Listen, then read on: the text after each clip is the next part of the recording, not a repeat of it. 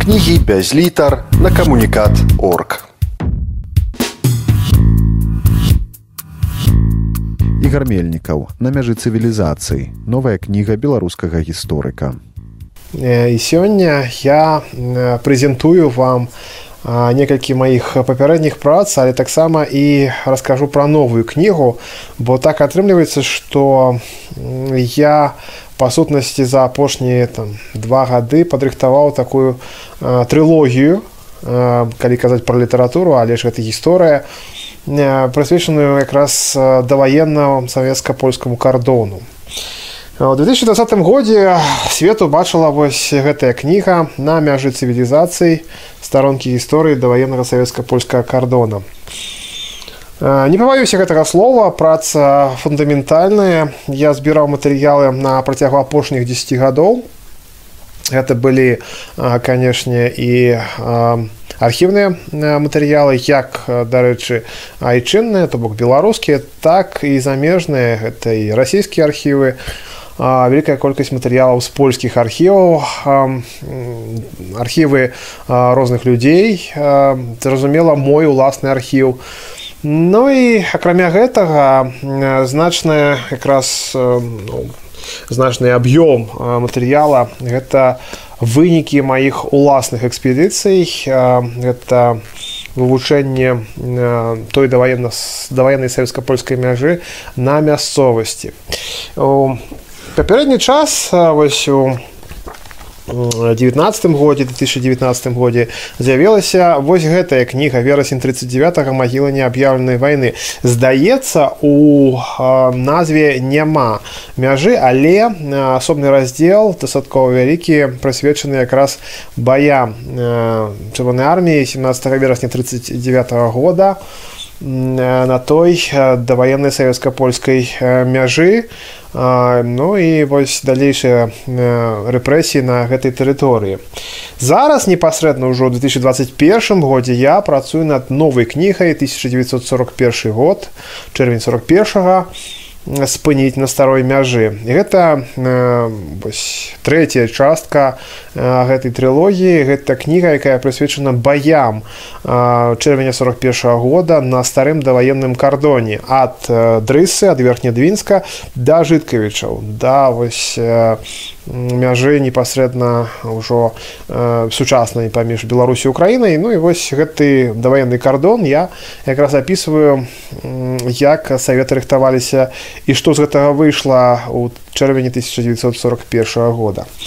На мяжы цывілізацыі бачыце вось гэтая праца розныя моманты звязаныя з той даваеннай савецка-польскай мяжы мяжой адразу скажу што гэтая кніга прысвечана э, мужнаму беларускаму народу які нягледзячы на выпрабаванні рабіў і робіць усё каб народам звацца. З'явілася гэтая кніга ў непросты час ці мы ведаем што зараз адбываецца і гэты працэс фарміравання нацыянальнага сама нацыянальнай самасвядомасці які працягваецца зараз гэта досыць важна таму што гэтая мяжа цывілізацыі яна ўплывала і ўплывае на на тое што ў тым ліку адбіваецца зараз. Беларусь была і застаецца паміж захадам усходам у 20 30 гады яна знаходзілася паміж еўрапейскай дэмакратычнай цывілізацыі і паміж імперыяй сталіна. Прычым дэмакратычнай у адносінах да Европы дастаткова умоўна таму што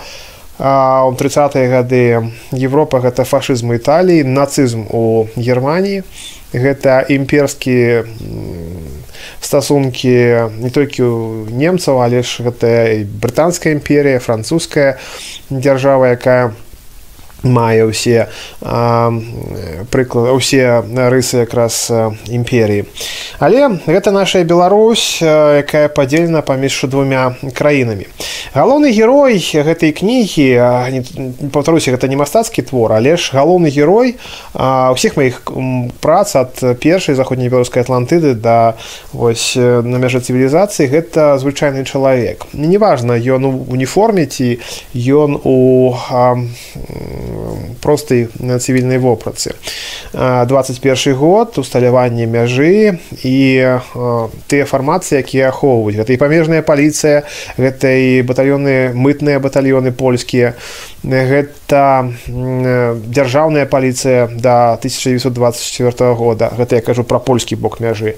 Савецкага боку гэта памежныя атрады 12 13 14 15 заслаўскі вось тут у заславе дзе я знаходжуся якраз знаходзіўся штаб 15 памежнага атрада 16 17 18 гэтыя атрады былі на тэрыторыі беларусі. А умовы функцыянавання той самай памежнай аховы будаўніцтва інфраструктуры. Вось вялікі раздзел гэтай кнігі гэта стварэнне інфраструктуры польскага корпуса ахову памежжа у сярэдні двадцатых гадоў з моманту якраз стварэння корпуса ахову памежжа пачынаецца будаўніцтва. Будаўніцтва шыкоўных казарм будаўніцтва будынкаў інфраструктуры прычым гэта гэта зусім побач ад менску гэта мы маладзечна гэта вілейка клецк ось стражніцы па якраз праекту нам архітэктар наваковскага цікавыя матэрыялы. Больш таго паўтаруся гэта не толькі архіўныя дадзеныя гэта яшчэ і вывучэнне мясцовасцю моя кніга як і папярэднія кнігі багата ілюстравана. Гэта вялікая колькасць здымкаў здымкаў прычым унікальных здымкаў якія з большасці раней не, публікаваліся. Гэта і сучасныя матэрыялы і а, здымкі з архіваў і здымкі з майго прыватнага архіва ну, тут напрыклад здраджу што ёсць вялікі архіў капаўцаў з краснага мястэчка краснае вось тут зусім побач з ардашковічамі дык вось мне атрымалася яго набыць і вось ён тут вот апублікаваны в гэтай кнізе і паказана тое як выглядала інфраструктура памежнікаў якраз вось у тридцатые гады ну, непасрэдна падчас функцыянавання той мяжы акрамя вось гэтага я опісваю службу корпуса ахову памежжа. Фармацыя вельмі цікавая. Фармацыя якая у беларусі на вялікі жаль слаба вывучаецца бо ў савецкі час зразумела на яе ніхто не звяртаў увагу. Гэта ж буржуазная вайсковая фармацыя. Мы пра савецкіх памежнікаў будзем расказваць а што мы будзем пра палякаў расказваць. Між тым Ну тым ліку і беларусы служылі гэтай фармацыі. Вось а яны ахоўвалі мяжу. Яны былі тымі хто павінен быў прасоўваць гэтую самую еўрапейскую цывілізацыю. Не заўсёды гэта было пазітыўна але ж былі пазітыўныя моманты. Ну напрыклад польскія капаўцы сачылі за захаваннем культурнай спадчыны на тэрыторыі паўночна-ўсходніх ваяводстваў. То бок збіралі там нейкія артефакты сачылі за тым каб не знішчаліся напрыклад курганы.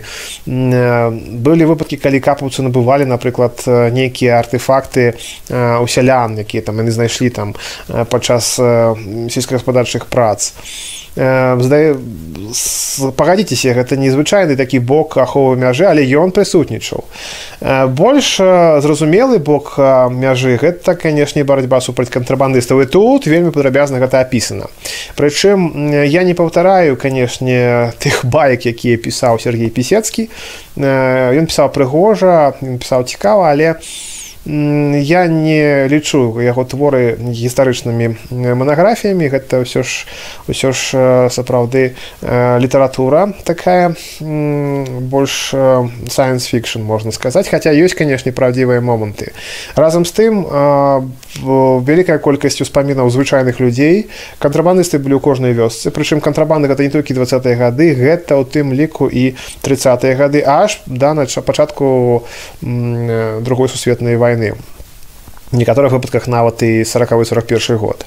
Калі здаецца мяжы не было але на была гэта была зона загароды гэта ўжо трошки іншы момант. Пра яго ў наступнай кнізе чэрвень 41 спыніць на старой мяжы. Але здесь на мяжы цывілізацыі гэта расповед пра барацьбу супраць кантрабандыстаў. Гэта это вялікая вялікі раздзел вельмі цікавы звязаны з барацьбой супраць савецкіх дыверсантаў і выведнікаў все это вельмі цікава тому что выведка савецкая працавала вельмі актыўна як зрэшты і польская выведка на тэрыторыі бСр і вельмі часта жыхары памежжа працу на выведку кап ці на другі польскі аддзел генеральнага штаба польскага разглядалі як працу. Зрэшты як і працу напрыклад на савецкіх памежнікаў.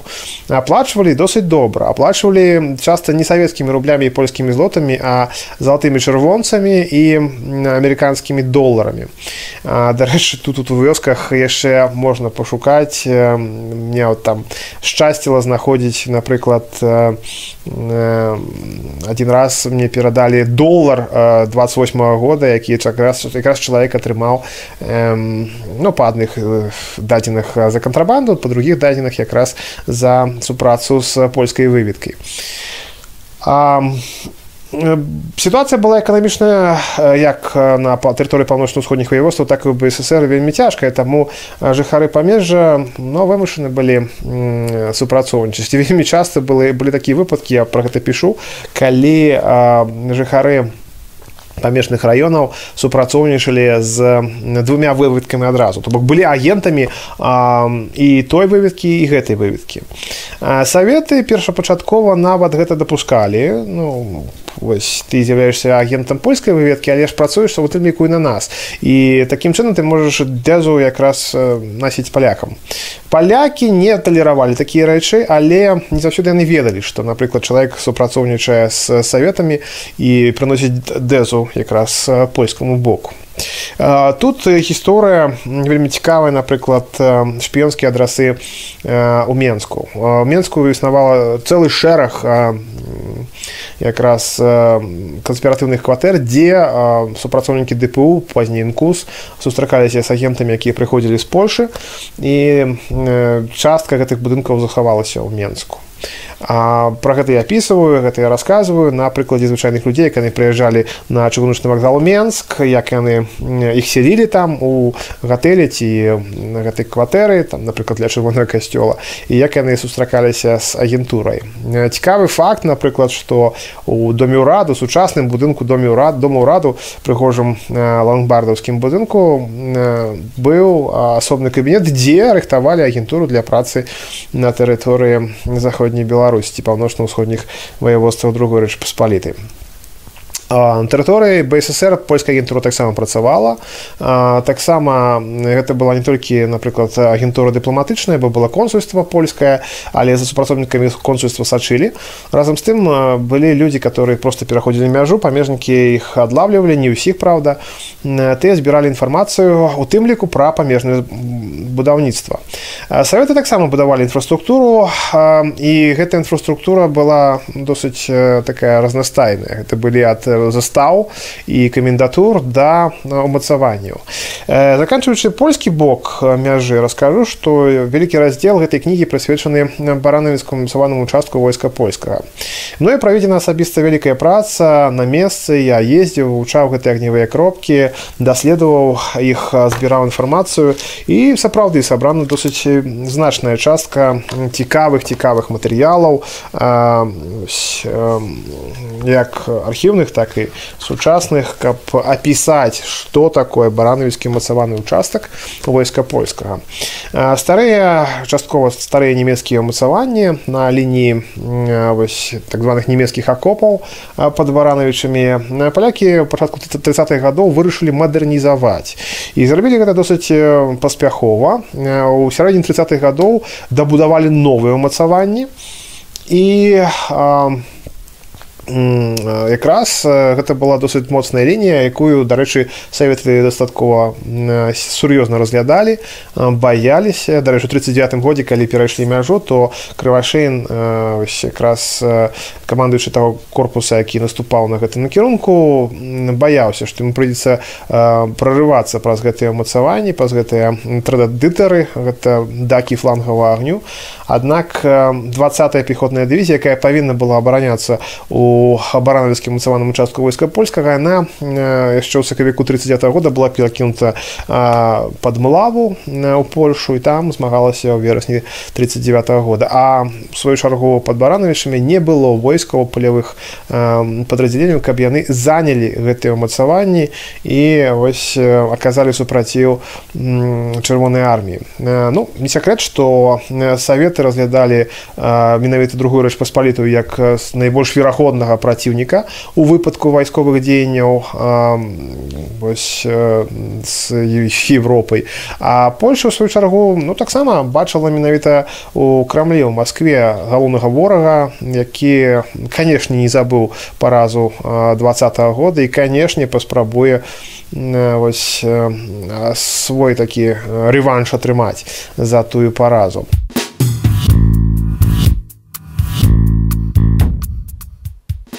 На мяжы цывілізацыі. Новая кніга беларускага гісторыка ігора мельнікова чытае аўтар. Таму і будаваўся гэты баранавецкі ўмацаваны участак прычым гэта не толькі кулямётныя дакі не толькі старыя нямецкія паўтаруся гэта цікавыя мацаванні сапраўды цікавая польская даваенная інжынерная думка гэта ўсё бачна. Гэтыя дакі захаваліся. Цікавы момант дарэчы вось зараз працуючы над новай кнігай чэрвень 41 спыніць на старой мяжы знайшоў такі досыць цікавыя матэрыялы наконт таго што савецкія часткі якія адступалі пад ударамі немцаў часткова выкарыстоўвалі некаторыя польскія ўмацаванні вось пад баранавічамі некаторыя дакі вось якраз адыгралі ў тым ліку ролю для чырвонаармейцаў. Не ўсе канешне але тыя которые вось былі зручны для выкарыстання для адступаючых частак і можна было іх у іх змагацца супраць ужо жаўнераў вермахтам. Да дарэчы на некаторых бачныя сляды абстрэлаў бачныя выбухі менавіта вось знешнія не ўнутраныя падрывы савецкія сорокового года калі ўжо нішчылі гэтую лінію саветы а менавіта 41 -го года. І, і гэта досыць досыць добра бачна вяртаючыся ў 30 гады гэта канешне савецкія ўмацаванні. Тое што у сучаснай беларусі дастаткова часта і на жаль памылкова называецца ліній сталіна былі розныя ўмацаваныя раёны. Это полскі ўмацаваны раён мінскі ўмацаваны раён слуцкі ўмацаваны раён і мазырскі ўмацаваны раён гэтыя ўмацаванні на самой мяжы з польшай насамрэч маглі адыграць досыць моцную ролю у баявых дзеяннях. І тут у сваёй кнізе я опісываю такі досыць цікавы момант аналізую чым валодала польская армія напердані другой сусветнай вайны і ці была яна здольная для ось аказаць супраціў і прарваць гэтыя ўмацаванні якраз у на савецка-польскай мяжы напрыклад под менскам так вось гэты аналіз гэта не дыбанні неякім разам. Як кажуць палякі то бок я не разважаю што было б калі б. Я кажу про тое што аб'ектыўна мела польскае войска і што аб'ектыўна мелі напрыклад чырвоная армія на выпадак удару. І сапраўды савецкая лінія ўмацавання напрыклад под менскам была дастаткова моцная плюс под канец 30-х гадоў былі пабудаваныя паўкапанеры артылерійскія якія ну маглі маглі стрымаць любы польскі танк без нейкіх перашкод а кулямётныя дакі якія былі досыць эфектыўнай зброі супраць пехоты маглі таксама вельмі паспяхова стрымаць і нават польскую кавалерію іх было досыць шмат. Калі казаць напрыклад пра полскі ўракі пачалі будаваць яшчэ з канца двадцатых гадоў то там канцэнтрацыя дакаў доўгатэрміновых агнявых кропак была значна больше нават чым у кіеўскім умацаваным раёне. Дык вось тыя умацаванні сапраўды адыгралі значную роль напрыклад у 41 годзе. Мазырскі ур палесе но не адыгрывала такую важную стратэгічную ролю але я опісываю канешне як саветы будавалі гэта ўсё.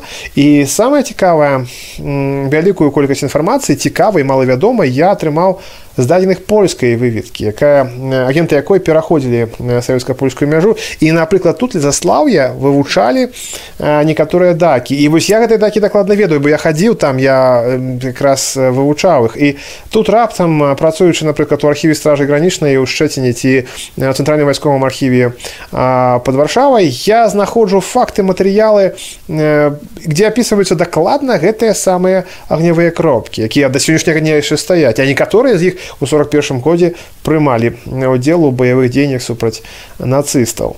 Дык вось негледзячы на тое што і яны ахоўваліся чырвонаармейцамі негледзячы на тое што здесь была досыць жорсткая мяжа і саветы нішчылі вось стараліся вылавліваць кожнага хто нелегальна перасекаў мяжу все роўна польскі бок збіраў гэтую інфармацыю нават пробы бетона бралі нават дакладныя планы былі вось таго як выглядалі гэтыя агнявыя кропкі і ну нават ёсць выпадак калі польскім выведнікам атрымалася дастаць вось унікальную інфармацыю гэта сшыткі і ведамасці якраз ну, вось з аднаго з дакаў. Дак номер 121 ён да сённяшняга дня існуе дарэчы. Гэтыя дакументы былі атрыманы і вось усё гэта зараз апублікована ў маёй новай кнізе на мяжы цывілізацыі. І канешне гэтая фактура досыць цікавая. Яна напэўна не вывучана ў беларусі а ну польша таксама даследчыкаў не было досыць шмат таму што ну гэта ўсё ж таки не зусім як лічыцца польская гісторыя. Хаця насамрэч у тым ліку звязаны з польшай таму што гэта ўсё будавалася на савецкай польскай мяжы і якраз на выпадак вайны паміж другой рэчы паспалітай і савецкім саюзам. А барацьба супраць выведкі супраць польскіх агентаў канешне была досыць моцная і асобны раздзел маёй кнігі гэта якраз рэпрэсіі на мяжы у 1937 асабліва 38 годзе гэта антыпольская аперацыя калі якраз савецкі бок досыць жорстка падышоў да жыхароў памежжа. Ввогуле гэтую паласу памежную досыць моцна прасеивалі вывучалі просто выпадковых людзей там было дастаткова мала савецкага боку зразумела.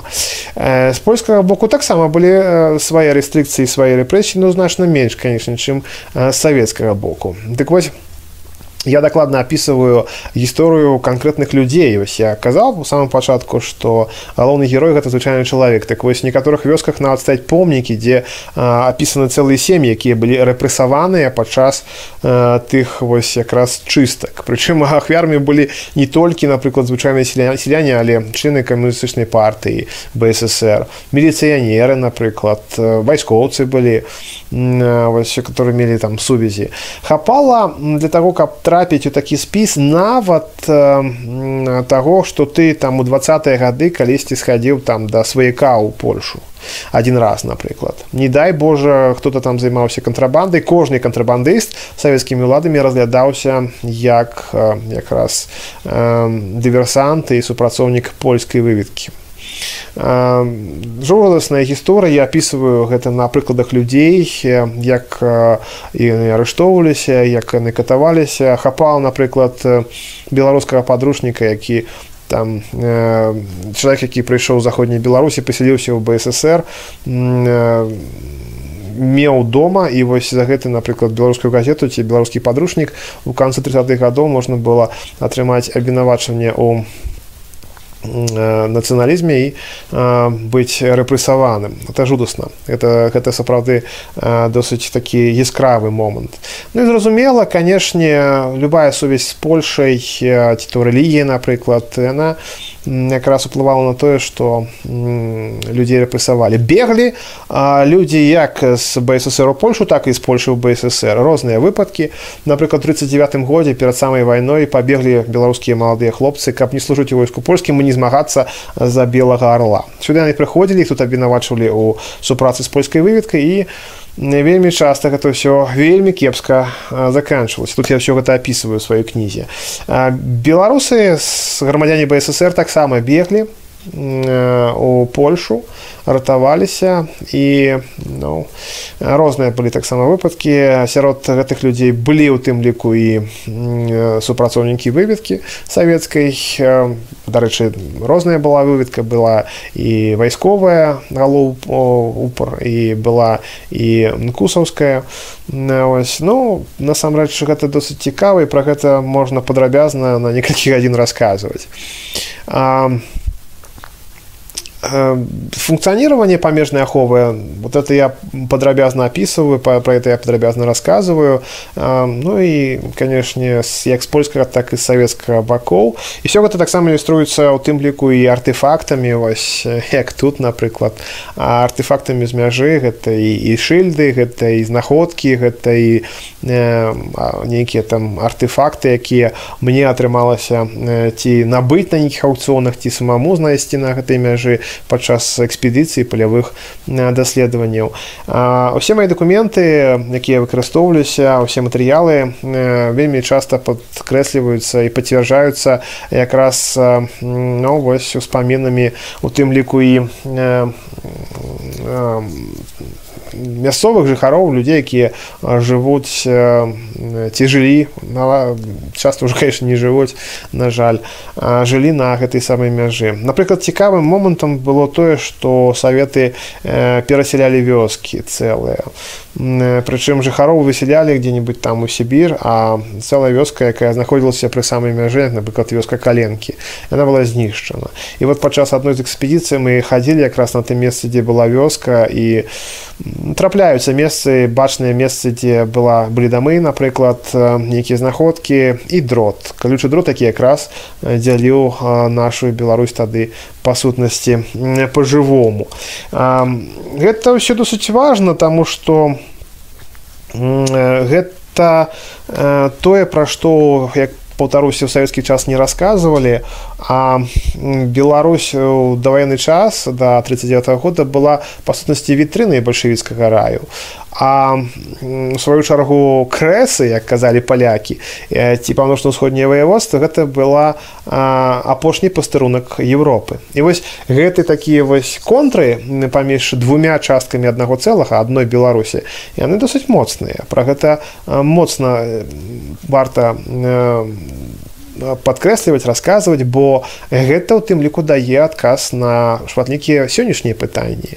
Мы па сёння знаходзімся паміж двумя вялікімі цывілізацыямі еўрапейскай і рассіяй А Беларусь, выбіраючы свой шлях, павінна перш за ўсё вывучаць гісторыю, вывучаць памылкі, досвед мінулых пакаленняў.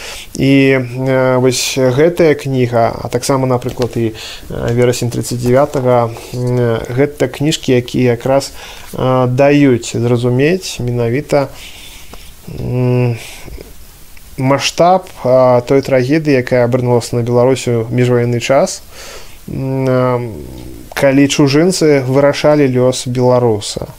Дык вось быць гаспадаром у сваём доме быць вырашаць лёс сваіх дзяцей у не даваць магчымасць чужынцам тебе арыштоўваць рэпрэсаваць твою сям'ю гэта вельмі вельмі важна тады ў тридцатые гады на вялікі жаль беларусам трэба было выбіраць знаходзішся вось паміж молотам і кавадлам але разам з тым гэта канешне досыць моцна і цікава калі разглядаць напрыклад тых же кантрабандыстаў тых же выведнікаў якія туды-сюды хадзілі і мяжа ахоўвалася мяжа досыць моцна пільнавалася але ж людзі ўсё роўна знаходзілі калідоры і пераходзілі былі знакамітыя людзі якія вадзілі фігуркі то бок людзі якія ў 30 гады напрыклад за грошы маглі чалавека з маладзечна ці валожана перавесці ў менск.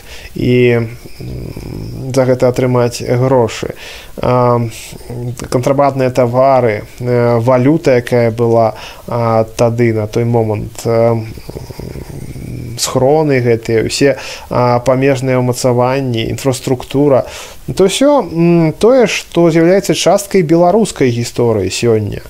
Тады гэта было два розных света сёння гэта одна Беларусь. Але разам з тым про гэта варта расказваць про гэта трэба казаць. І негледзячы на ўсе праблемы якія ёсць сёння у нас э, з гэтай гісторыі якраз і складаецца ну памяць э, цэлага народа. І э, якраз э, ну досыць добры досыць добрая падказка для таго каб у будучым выпрацаваць правільную стратэгію для існавання як дзяржавы так і беларускага грамадства.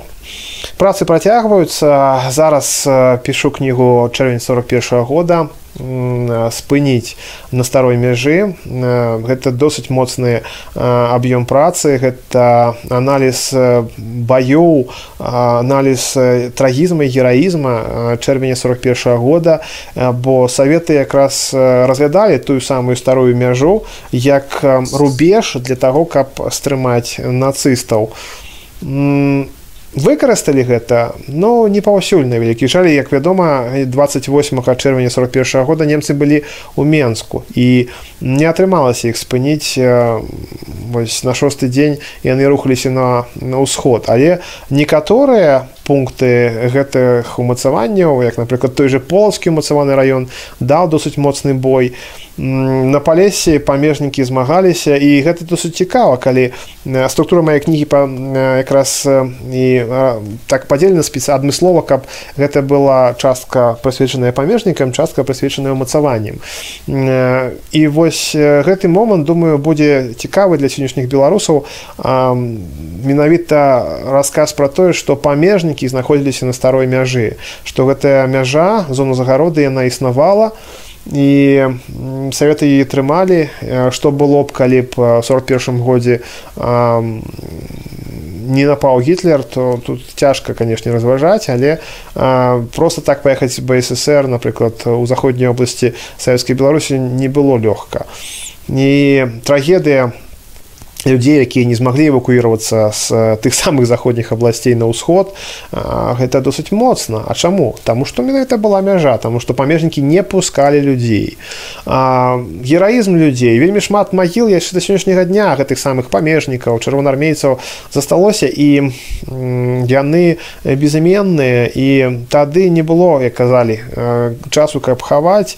Памяць людская я сам ведаю дакладна вось ёсць там нейкія помнікі стаяць і ўжо няма на іх нічога просто ну вот і нават старых людзей не маю якіх запытаць. Але помнік з таго часу помнік 41 -го года. Пачынаеш аналізаваць архіўныя дакументы ўспаміны людзей і атрымліваецца што вось да тут быў бой тут нямецкі мессер расстраляў савецкую машыну з памежнікамі а памежнікаў пахавалі. Ну і вось і, і, і вось гэта все трэба паказваць расказваць вяртаць гэтую гісторыю бо з гэтай гісторыі складаецца якраз гісторыя краіны гісторыя беларусі праца працягваецца. Дзякую вам всім за ўвагу кніжкі на вялікі жаль не вялікім накладам але спадзяюся што будуць будзе час калі выйдуць яны большым накладам магчыма. Но як бы што яны ёсць у бібліятэках. Дзякую за цікавасць да маёй працы дзякую за цікавасць да маіх артыкулаў да маіх кніг. Думаю што гэта не апошняя лекцыя мы яшчэ сустрэнемся на мяжы цывілізацый. Новая кніга беларускага гісторыка ігра мельнікава. Чытаў аўтар. Кнігі без літар на камунікат орг